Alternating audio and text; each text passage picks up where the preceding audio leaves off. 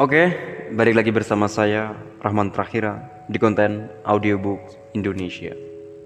Kali ini kita akan membaca buku lagi, buku dari Pak Fardin Faiz yang kemarin kita sudah selesaikan buku Beyond Good and Evil dari Friedrich Nietzsche.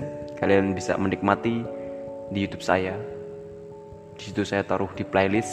Jadi untuk kalian yang ingin mendengarkan bisa lebih mudah dan juga urut dan gampang. Oke? Seperti yang sudah kalian lihat di thumbnail, kita akan membaca buku Menjadi Manusia, Menjadi Hamba. Di tampilan depan ada kalimat Tidaklah menyembah Tuhan dengan sempurna. Ia yang masih mengagungkan pikiran, kekayaan, jabatan, dan keduniaan. Farudin Faiz. YouTube. Hashtag Ngaji Filsafat. Saya sering ditanya tentang kecenderungan sebagai anak muda. Rajin ritual tapi abai senyum pada sesama. Care pada sesama tapi suka maksiat pada Tuhan. Buku idola saya Menjadi manusia menjadi hamba Karya Farudin Faiz. Ini adalah jawaban tepat untuk itu Hussein Ja'far Al-Hadar, penulis buku bestseller Tuhan ada di hatimu. Dan di bagian belakang buku ada tulisan Gaya hidup modern di samping menawarkan berbagai kenikmatan dan kemudahan hidup kerap membuahkan dehumanisasi. Banyak manusia seolah kehilangan kemanusiaannya, kehilangan fitrahnya khususnya dimensi spiritual. Lalu, seolah merespon fenomena itu, tak sedikit yang kemudian secara ekstrim memilih jalan spiritual, sampai-sampai memancang visi lenyapnya diri dan tak lagi peduli dengan situasi duniawi. Tugas manusia sebagai khalifah pun jadi terabaikan. Buku ini membahas sekaligus fitrah kemanusiaan, dan tanggung jawab kehambaan dengan pembahasan yang populer dan bahasa yang ringan. Penulis mengajak pembaca mengenali mandat manusia di muka bumi ini, menjadi manusia sekaligus menjadi hamba. Menjadi manusia, menjadi hamba. Farudin Faiz. Kebutuhan menjadi manusia dan hamba pengantar penulis. Alhamdulillah wa syukurillah. Assalatu wassalamu ala rasulillah. Desakan pola hidup kekinian harus diakui membawa berbagai konsekuensi. Dan konsekuensi tersebut tidak melulu menguntungkan Juga sering kali menyusahkan serta merugikan. Semua risiko itu harus ditanggung oleh manusia sendiri, baik sehubungan dengan kesadaran dirinya maupun tata peradaban yang dibangunnya. Gempuran lifestyle yang menular secara global sekaligus mengiringi lenyapnya kepekaan terhadap kearifan lokal. Kecanggihan teknologi informasi yang memudahkan interaksi, misalnya, sering juga mendangkalkan makna komunikasi. Contoh lain, salah pilih epistemologi yang melahirkan nalar canggih, namun juga menegaskan kurangnya wawasan tentang keragaman dan harmoni, serta berbagai kontradiksi lainnya yang tumpang tindih. Susul menyusul mewarnai wajah peradaban manusia hari ini. Di samping menawarkan berbagai kenikmatan dan kemudahan hidup, perkembangan terkini peradaban manusia juga kerap membuahkan dehumanisasi manusia yang tak lagi manusiawi. Fakta, dehumanisasi itu sudah menjadi keprihatinan banyak tokoh dari berbagai bidang. Banyak manusia kebingungan karena kehilangan jati diri kemanusiaannya. Kehidupan manusia hari ini secara mental banyak diwarnai oleh dislokasi kejiwaan, disorientasi, kehilangan pegangan karena runtuhnya nilai-nilai lama, dan juga deprivatisasi relatif, perasaan tersingkir dan terasing dalam bidang kehidupan tertentu. Menurut Eric Fromm, karakter umum masyarakat masa kini itu adalah alienasi atau keterasingan. Hampir dalam setiap dimensi kehidupannya, manusia modern terasing, baik dalam hubungannya dengan pekerjaannya, dengan benda-benda yang ia konsumsi, dengan negara, dengan sesama manusia, dan bahkan dengan dirinya sendiri. Manusia mengonstruksi satu mesin sosial budaya, ekonomi, politik yang begitu canggih, ditopang oleh beragam teori ilmiah yang rumit, untuk pada akhirnya keseluruhan ciptaannya itu melampaui dan menguasai diri mereka sendiri. Manusia pun selanjutnya seakan-akan menjadi budak dari mesin besar yang ia ciptakan sendiri Semakin besar dan berkembang ciptaannya itu, semakin manusia tidak berdaya untuk mengendalikannya lagi. Dengan nada yang prihatin, Syed Hussein Nasr meratapi manusia hari ini yang terjebak dalam perangkap-perangkap ciptaan sendiri. Baik itu dalam nama saintisme, kritisme, subjektisme, relativisme, psikologisme, maupun biologisme. Manusia tidak mampu mengembangkan kemanusiaannya sendiri karena kediriannya lenyap ditelan oleh sistem dan gaya hidup yang mereka bangun sendiri. Dengan akal budi yang dimilikinya, harusnya manusia hidup dalam paradigma philosophia atau cinta kepada kebijaksanaan namun, dalam kenyataannya, manusia lebih banyak menghindari pertemuan dengan sang kebijaksanaan tersebut. Dan lebih sibuk dalam pemenuhan hasrat dan ambisinya untuk menjajah dunia dan memuaskan kesenangan sesaatnya, sehingga alih-alih menggali kebijaksanaan, manusia justru mengembangkan paradigma kebalikannya, misosopia atau kebencian terhadap kebijaksanaan. Manusia dalam paradigma misosopia ini menegaskan dirinya sebagai pasti mampu dan yakin bisa menaklukkan apa pun tantangan alam dan ujian semesta tanpa perlu mendatangkan bantuan dari unsur apa pun di luar diri mereka, termasuk yang ilahiyah.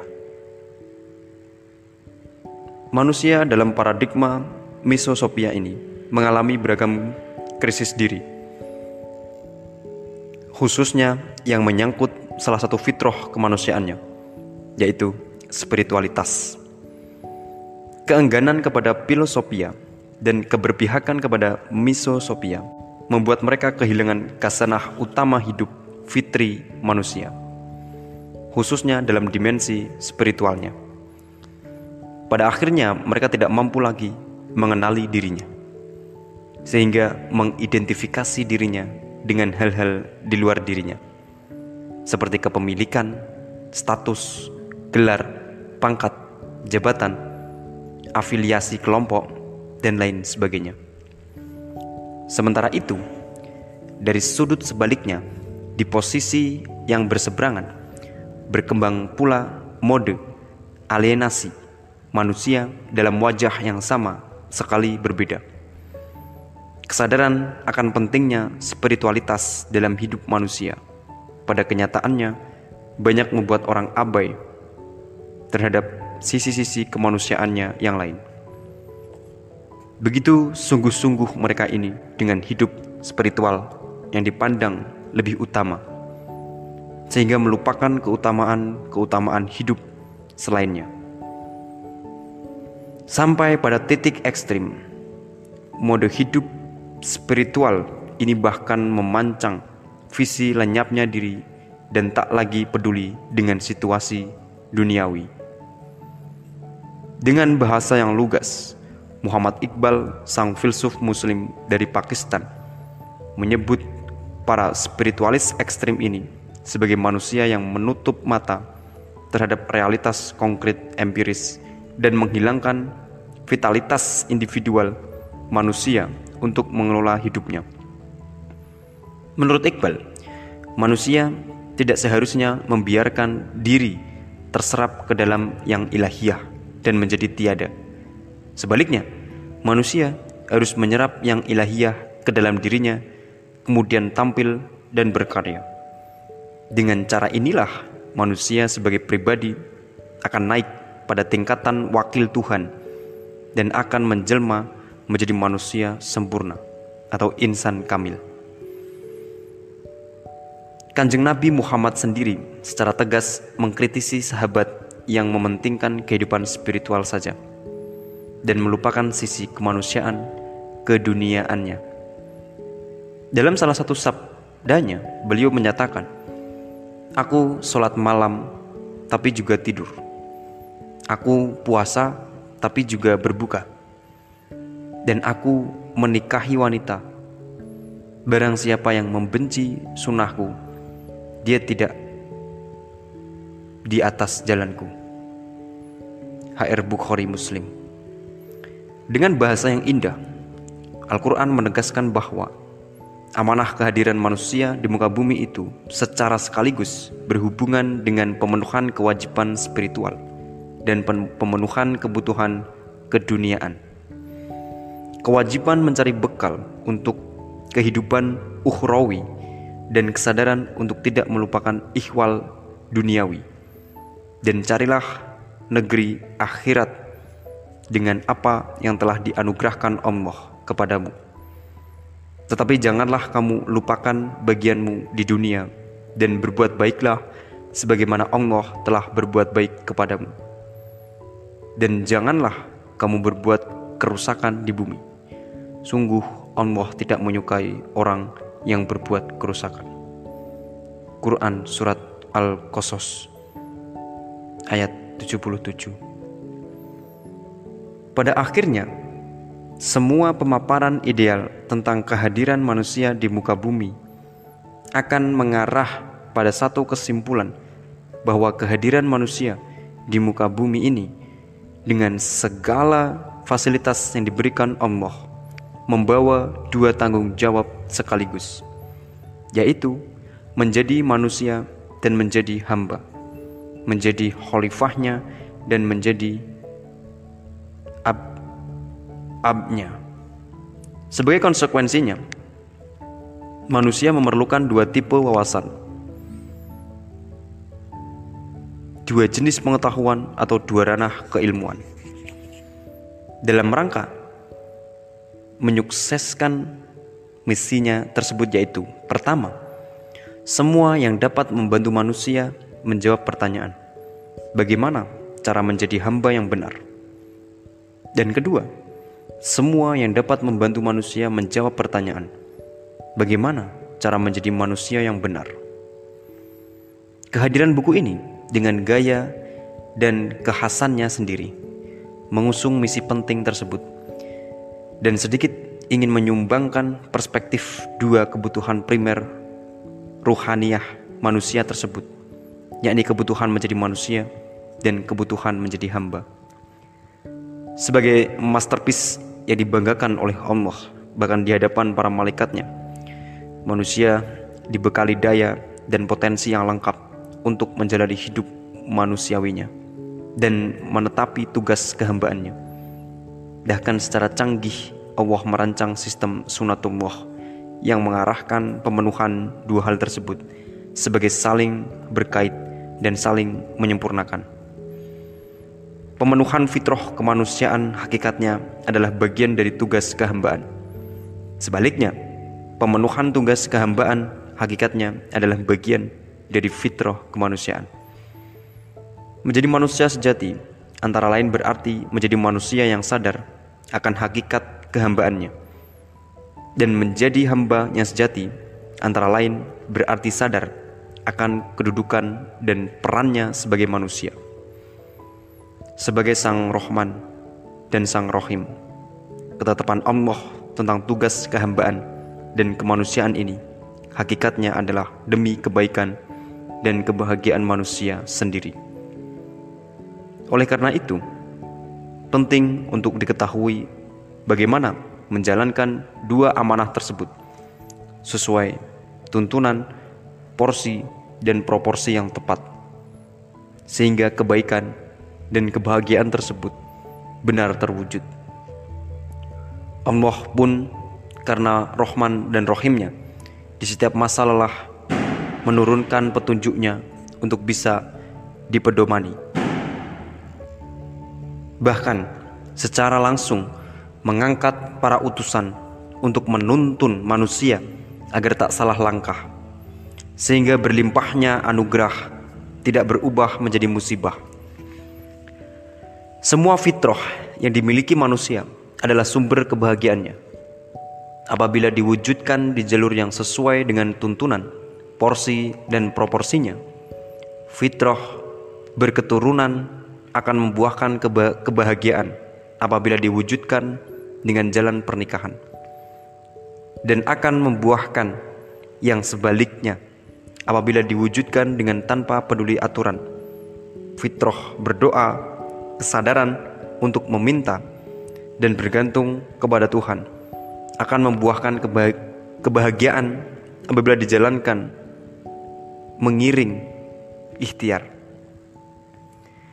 dan akan membuahkan yang sebaliknya apabila diiringi dengan kemalasan dan keengganan berusaha.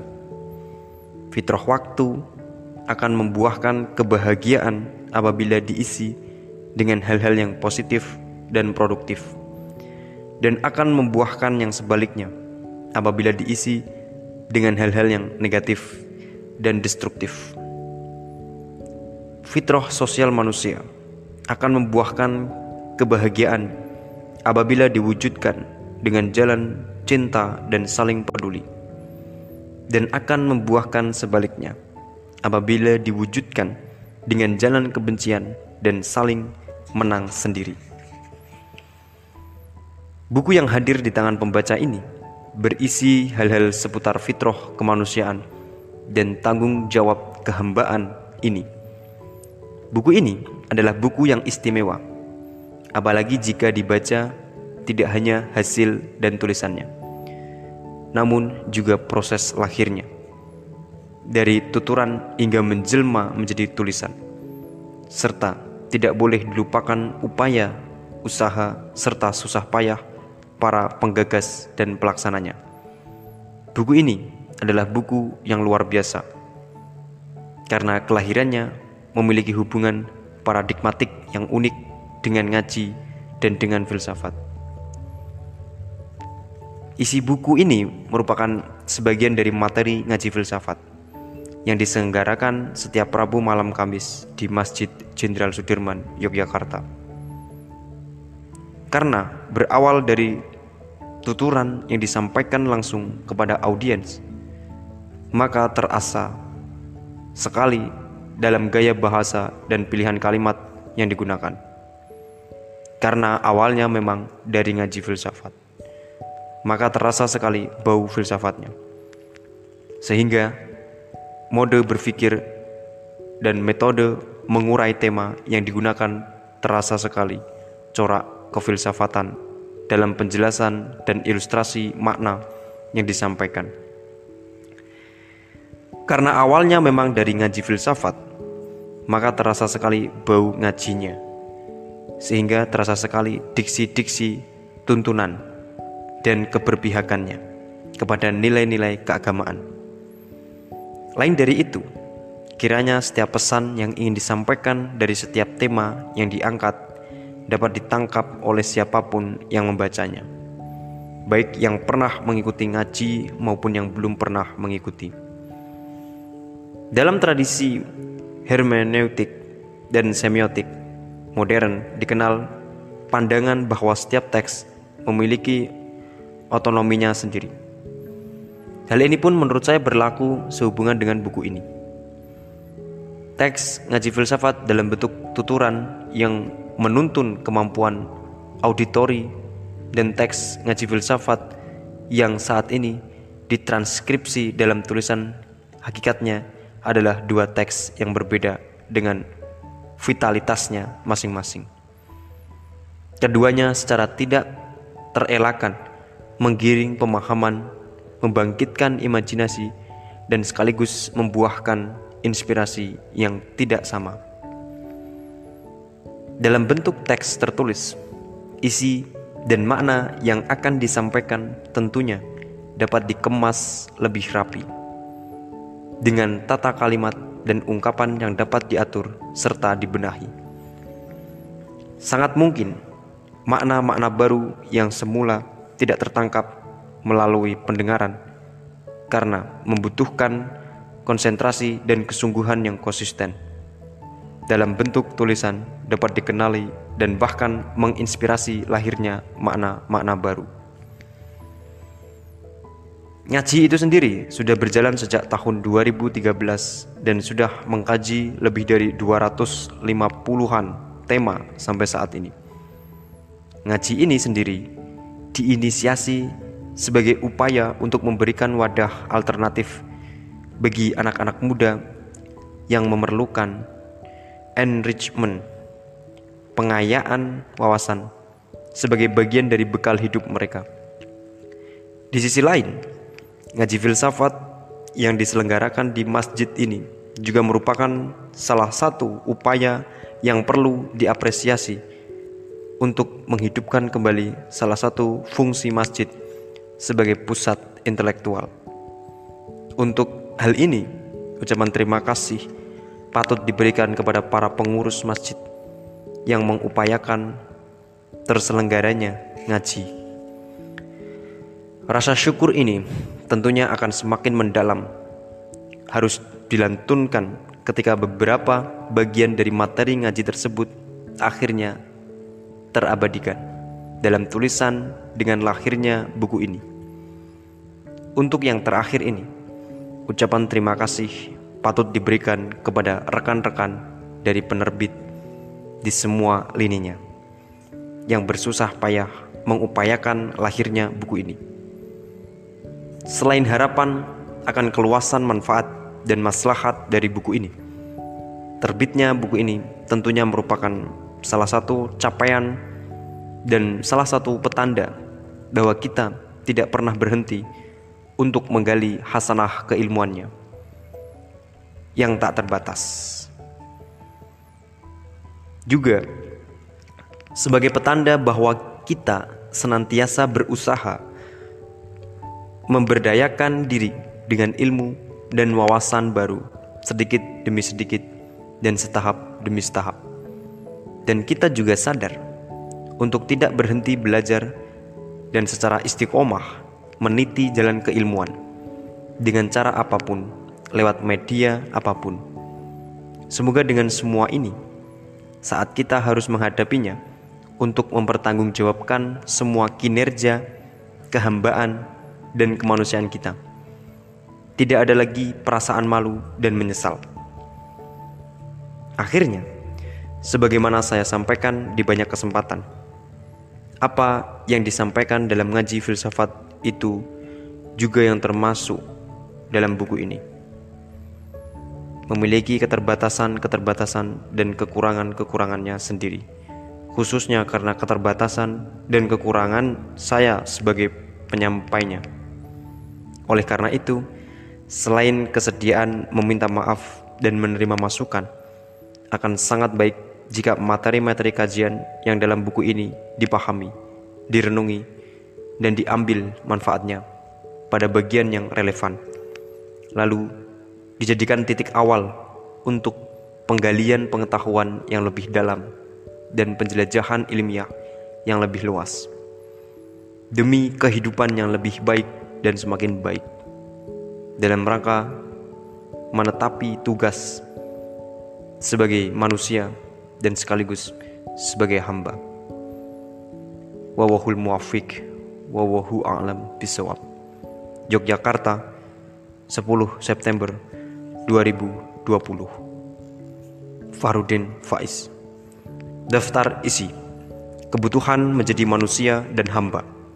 Pengantar penulis Halaman 5 Bagian 1 Manusia Halaman 19 Fitroh Halaman 21 Humor Halaman 53 Pernikahan Halaman 89 Doa Halaman 131 Main-main dalam hidup Halaman 169 Nama baik Halaman 217 Bagian 2 Waktu Halaman 221 Misteri Waktu Halaman 223 Ateisme Praktis Halaman 259 Bagian 3 Penghambaan Halaman 263 Ibadah lahir dan ibadah batin Halaman 265